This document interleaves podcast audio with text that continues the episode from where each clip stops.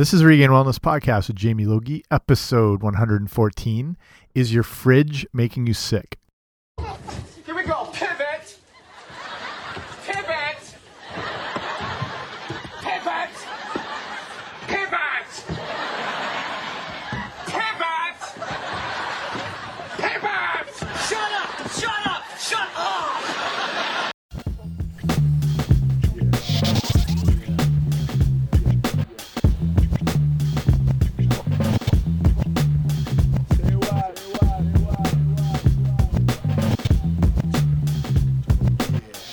Hey guys, what's happening? Welcome back to the podcast. I'm Jamie Logie. I run regainwellness.com, and this is the Regain Wellness Podcast. So thank you for joining me here today. If you haven't already, make sure you subscribe on whatever device of choice you listen on. Um, assuming you're listening on a phone, maybe not though, but um, I'm on iTunes. I'm on Stitcher Radio if you use Android phones, and actually anywhere you'd you'd find a podcast, I'm pretty much there. Like Google Play, iHeartRadio, I think pretty much everything. So make sure you subscribe. That way you get the shows updated um, as soon as they come out. So, so what's going on? Last night, I don't know you you probably not necessarily don't find this interesting, but last night was WrestleMania 33, which is I've always been a, a lifelong fan. I grew up in the 80s, so obviously that was a part of most kids, especially young boys' childhood in the 80s. And so I, you know, a check in every now and then, but it's always an event to watch, even if you're completely out of the loop, just because it's a huge spectacle. Spectacle is that a word? Spectacular. That sounds better. And um, just worth checking out. I, to- I I totally understand if you're not a fan, um, but I've had some friends that have done it as well, and you know, got relatively far. Um, and one friend who and he, he showed up on Monday Night Raw in a backstage segment, which is pretty cool. And we saw him wrestle Hacksaw Jim Duggan one night, which is amazing too. It was a total throwback night. But it seeing this live is honestly incredible. Like seeing how athletic and strong these guys are. It just you really don't understand um, till you see it in person. Um, and it's just any of them are amazing shows. I've been to all sorts of stuff like pay per views and Monday Night Raws and SmackDowns and stuff. And I've seen a lot of cool sporting events. I've seen probably all the main professional sports. Um, I've seen Wayne Gretzky live. I've seen. I've been to Fenway Park. I've been to Old Yankee Stadium. I've been to Old Tiger Stadium. I've been to Wimbledon. I've seen Pete Sampras. I've seen Agassi in his prime, but nothing tops being at WrestleMania 18 when it was in Toronto at the Skydome when it was Hulk Hogan versus The Rock. Um, just for like sheer, I don't know. It was, you, you always hear people talk about feeling a building shake, but it's 70,000 people during this match and the place becoming like the place just went unglued um, with how, I don't know, into the whole thing and how, I don't know, it was like a, a throwback nostalgia night just seeing this in person and just the response of the crowd and to actually feel a place shaking. I mean, it's the only way to describe it is honestly pretty incredible. So the show last night was was really cool to see. And I think back to um, you know, some of those big WrestleMania moments. Watch how I tie this all together. And one of my favorites was back uh, was WrestleMania two when it was just starting to get old enough to appreciate it. And the only way you could see it back then was to watch on what was called closed circuit TV. And if you're under 40, you probably have no idea what the hell I'm talking about. But it was this was before pay per view or on demand or whatever. It's basically you buy a ticket to not not go into a movie theater, but to watch a, a closed circuit broadcast in an arena and pay a lot for it. So that was the only way to see it. I mean, th- that's how old closed circuit was. I mean, I think after the discovery of fire and then the wheel, I think closed circuit was discovered then agriculture, and it kind of went in that order. So back then, if you didn't see these things, you had to wait till they came out on video. So I remember having to wait to watch WrestleMania 2 like three or four months after the fact. But it was easier to avoid spoilers and things were new. And like when something would come out on video, that was basically like seeing it for the first time. It was like, even though it had happened long in the past, it wasn't an internet or anything to ruin the surprise. So WrestleMania 2 was the big one where they split it in three different locations. They were in um, Long Island, Chicago, and Los Angeles. And the big thing in Chicago was they had the battle royal with all these NFL players and a bunch of the Chicago Bears. And one of the highlights was Big John Studd, who I got an autograph from years later. So it all ties together. And him being pulled out of the ring by William the Refrigerator Perry. And if you remember the old Bears, he's one of the best, um, like one of the original big, fast guys who was like 300 plus pounds but could move like a running back.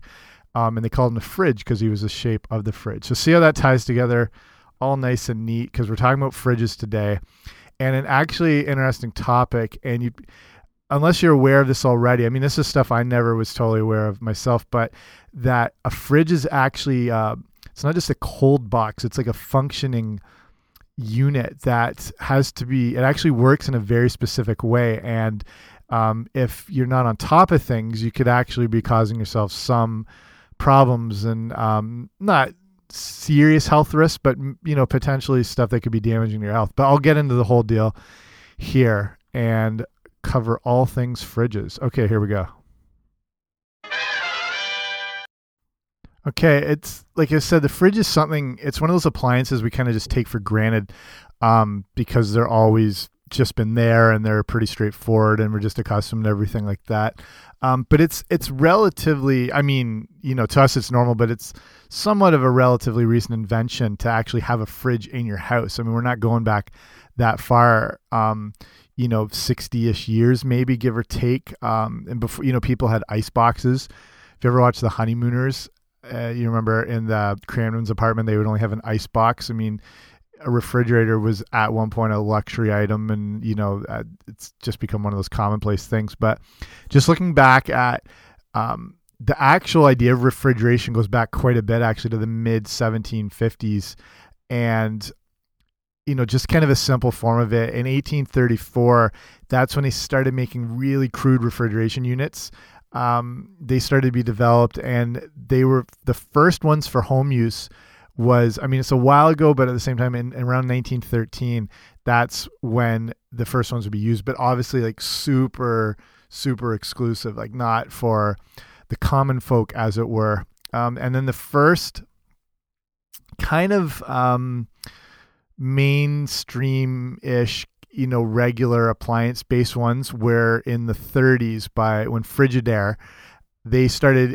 introducing more self-contained units that were smaller and it was the introduction of Freon, which allowed it to be um, more, you know, expanded into the market more and create more of a, a larger quantity of these things, and then you know be able to lower down the price and make it more accessible. So, um, uh, one of the big reasons we kind of got into packaged and manufactured foods, obviously, like it's an, an advent of um, technology and and kind of advancements in you know learning how to combine different things to create you know when we've invented bad food additives and food preservatives that could keep food going longer. But the idea of say frozen meals which is nothing new to us now but when those first came out that was a, a like a huge change into what was you know every, sort of like the everyday routine that you didn't have to prepare fresh food um, you didn't have to make all these like grocery trips. And this goes hand in hand with um, fridges that had combination units that included freezers. And it, that really changed the dynamic of how we consume food because of these frozen meals. And, you know, I'm sure you've seen like commercials from the 50s and pushing the idea of frozen meals and people eating while watching TV on TV trays um, and stuff like that. And they were again they were sort of considered a luxury item but now they could be more mass produced and because people had ways to store them so it was kind of that you know the forefront of you know modern advancements and the idea of you know households having all these you know things that were considered of the future and you know you look back on again like the old advertisements and they just show people with blenders and mixers and these frozen meals and it was like you know the future is now sort of thing. Um, and like I said, it really changed the way we consume food, and people were able to stock up on more things and they could keep food longer. There was less waste, so less wastage, but it exposed us to a lot of like I said, the, the crap and the additives and preservatives that went into some of these foods.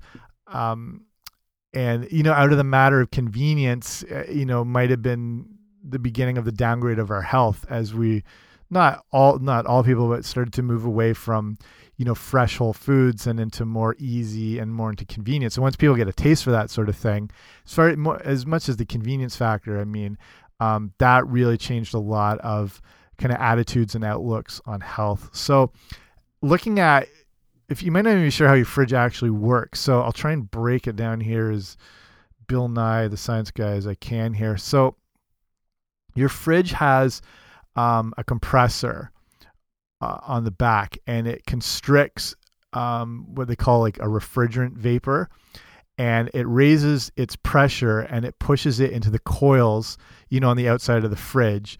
The you know the coils they get caught on anything, or if you're trying to move it, they get you know caught on the door and ripped off. Um, so what happens is this hot gas, which is now it's going through these coils, it meets the cooler room temperature of the kitchen, e even if your house is at you know 20 degrees or whatnot. Um, sorry, that's Celsius if you're listening in Canada, but or you know anywhere else where that's used. Um, so say around 70 degrees Fahrenheit, give or take. So basically, that's a cool temperature compared to the heat um, of this refrigerant vapor, which is being pushed through the coil. So as it's going through, it hits that room temperature, and that turns that that vapor into a liquid.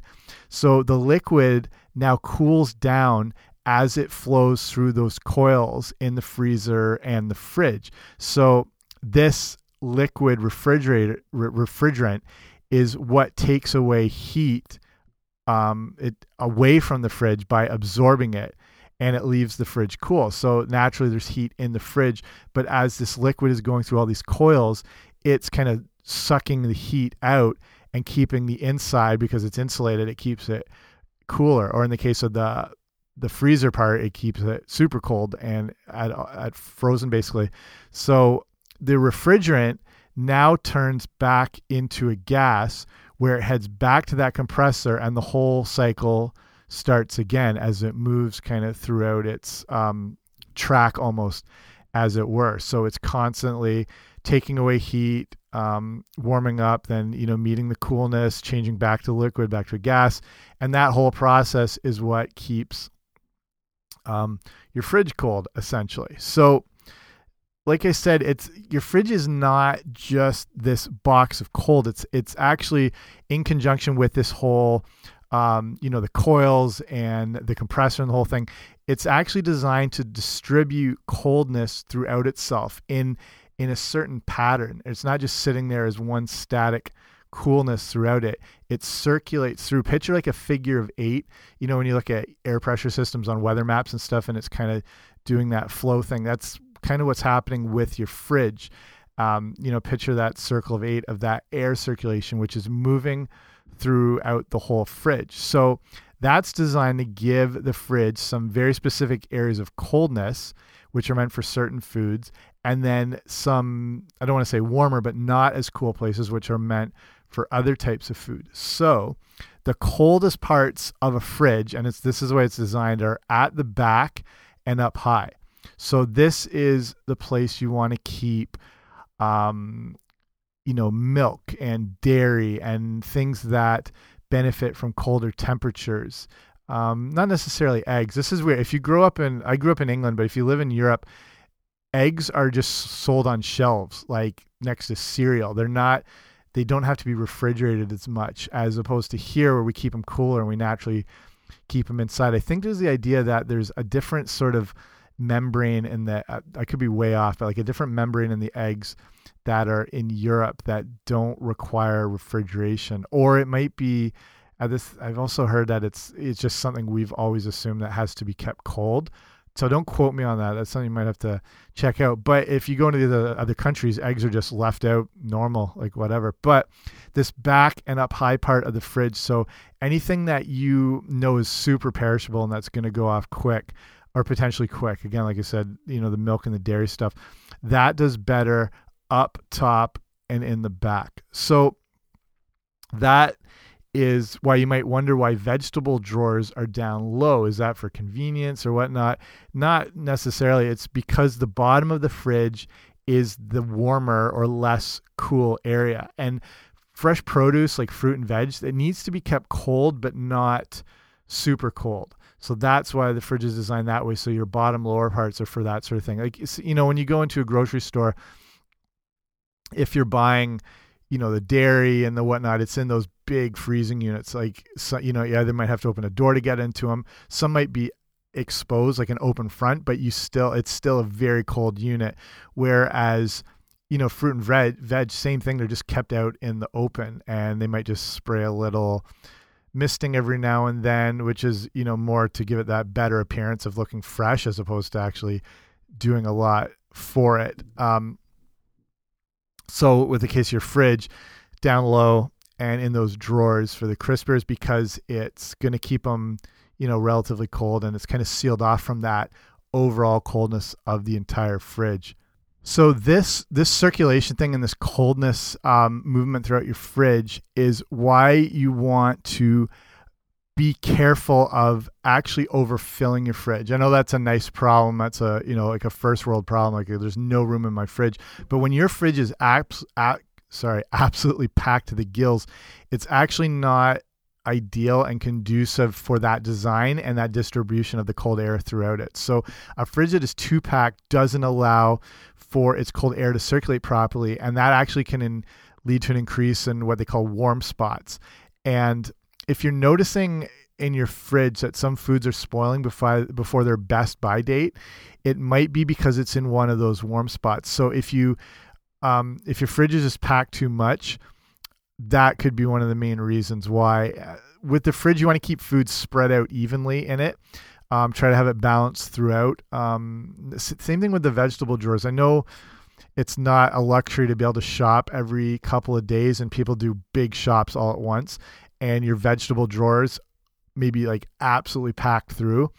But that's why the stuff can be spoiling really quickly, is because it's building up those warm spots because the air's kind of trapped and it can't move. And then, you know, the moldiest foods on the bottom can contaminate all the other stuff throughout the drawer. So same thing, you know, throughout the rest of your fridge. So if that's been happening, you might have to, I mean, do a fridge inventory, go through and toss out all the stuff that's either bad or you don't need. Um, and then maybe rearrange your stuff so it's more evenly distributed throughout the entire thing so it's not too packed.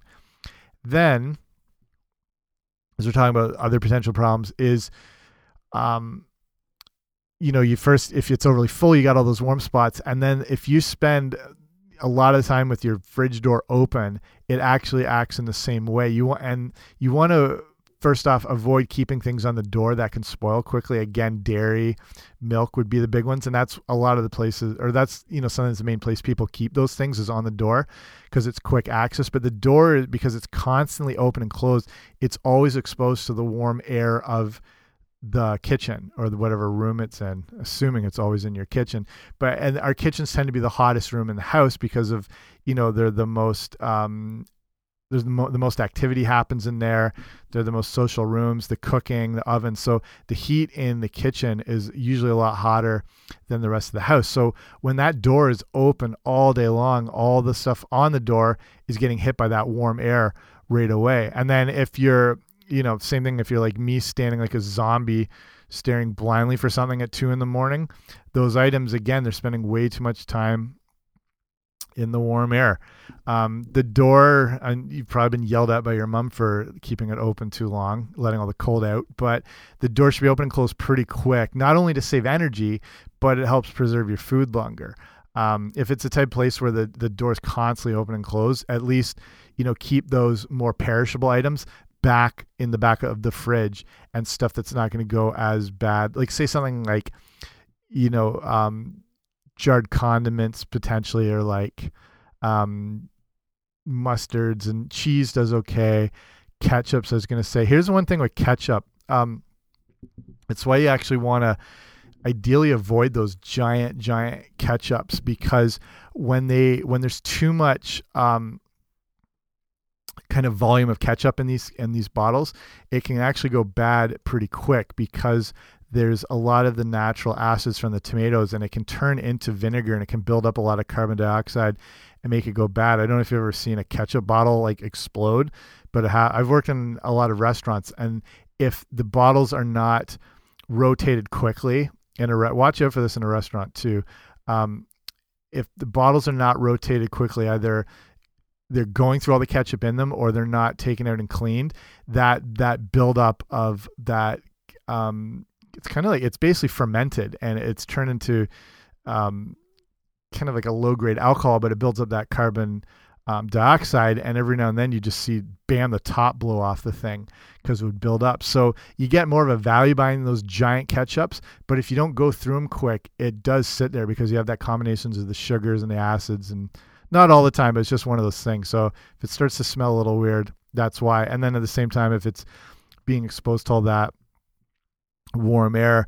So, you know, over the course of the day, it adds up quite a bit. You think it might just be open for a second at a time, but, you know, like me staying there, catching yourself staring, trying to figure out if that two week old guac is still good.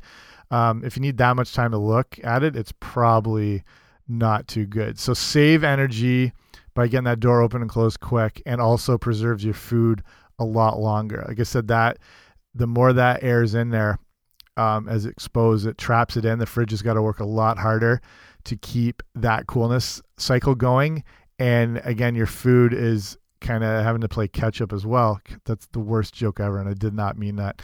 Um, it has to uh, constantly be exposed to cold, warm, cold, warm, and that's why food goes bad pretty quick. So, as we're talking about that air circulation thing, and as I was talking about like the warm spots um, and getting rid of spoiled food because it rots the other food, you want to get on a, for another reason as well. You want to get rid of spoiled and rotting food basically as soon as you see it because of that cold air distribution. So what happens is something that's rotten in one part of the fridge is essentially helping to rot something in all parts of the fridge. So that mold from the one food starts circulating throughout the entire fridge. And um, all the different things can be potentially exposed to it that are either open or not sealed properly, or if you just have, you know, open fruit or or vegetables or whatever. So you know, if it's down low, like I said, clean out your vegetable crispers as often as you can. There's there's always crap in there, I guarantee it.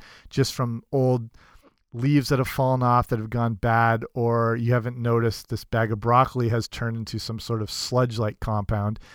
That all that mold and all that crap is going throughout your fridge. So if you know this isn't always related, but if you're finding yourself sick or sometimes experiencing you know minor flu-like symptoms. It can be from mold exposure depending on how bad the stuff in your fridge is. So it's why you need to regularly check the state of your produce.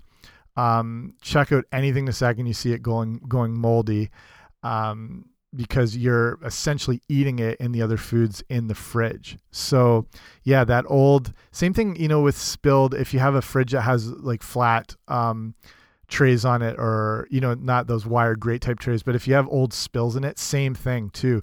That stuff you know if it's milk or whatever it can rot pretty quickly. And then again that whatever it's rotted into is spreading throughout the fridge. Um, it's like i said it's just good to give your fridge a once over every now and then and you know get rid of that possible circulation of the mold. So that's why you know putting the baking soda is always good um, but it's not going to necessarily do a lot if you've got this big crap load of mold sitting in the bottom of the drawer that you haven't noticed and it's been there for a week. So, you know, cleaning it out with kind of a oil vinegar solution does really well too. It keeps it a little fresher, a little more natural. So, yeah, do do your fridge checkup every now and then. So, for a few good storage tips, I'm going to do a show that's all about food storage and there's a ton of things you can do to get um, more life out of your food and just to not waste it. Because we on average are throwing out around 20 pounds of food per month. Um, and think about it like how often you buy that's the problem with, with fresh produce as much as you want to eat as healthy as possible and eat these real whole foods they go they can go bad really quick. And you could plan to eat this whole bag of spinach but you don't get to it and or you got to half of it and then the rest gets all slimy and gross and you chuck it. So like i said the average household 20 pounds a month. Um, and you can probably picture that the amount that you've thrown out. Over the course of a year that's roughly around two grand in in food we're wasting. So i'm going to do this whole show on all this stuff. Um, i actually have a book out about it called the it's not just about the food storage but that's a big part of it. It's called the strategic grocery shopping guide it's on amazon so i'll link that up if you're interested um, you can go to amazon just look up the strategic grocery shopping guide um, but if you go to the show notes today which is regainwellness.com slash 114 i'll link up um, all this stuff i've just been talking about so i'll link up that book and um, you know, just if you're, it's only like a couple bucks. I think they have it down to now on Amazon. But it talks about the best places to get food, um, the like strategic grocery shopping ways, like tons of tips, and then there's a bunch on food storage, just so you're not wasting your money and you're keeping your food as healthy as possible. So one of the tips I'll just give you, the main thing, like I said, the food that goes bad the quickest is that produce in the vegetable drawers. If you keep it, uh, you probably keep it in a plastic shopping bag, maybe. I don't know. That's how I do it. But that can be the best way to store it. But what you want to do is whatever's, say, in that um, grocery bag, whether, say, it's a bunch of broccoli or spinach or whatever, when you put it back in, don't just drop it in. Um, tie up the bag, like squeeze all the air possible out of it and kind of wrap and roll the bag up into itself. So that greatly extends the life of your produce because that that exposure to oxygen is what you know leads to the quick breakdown.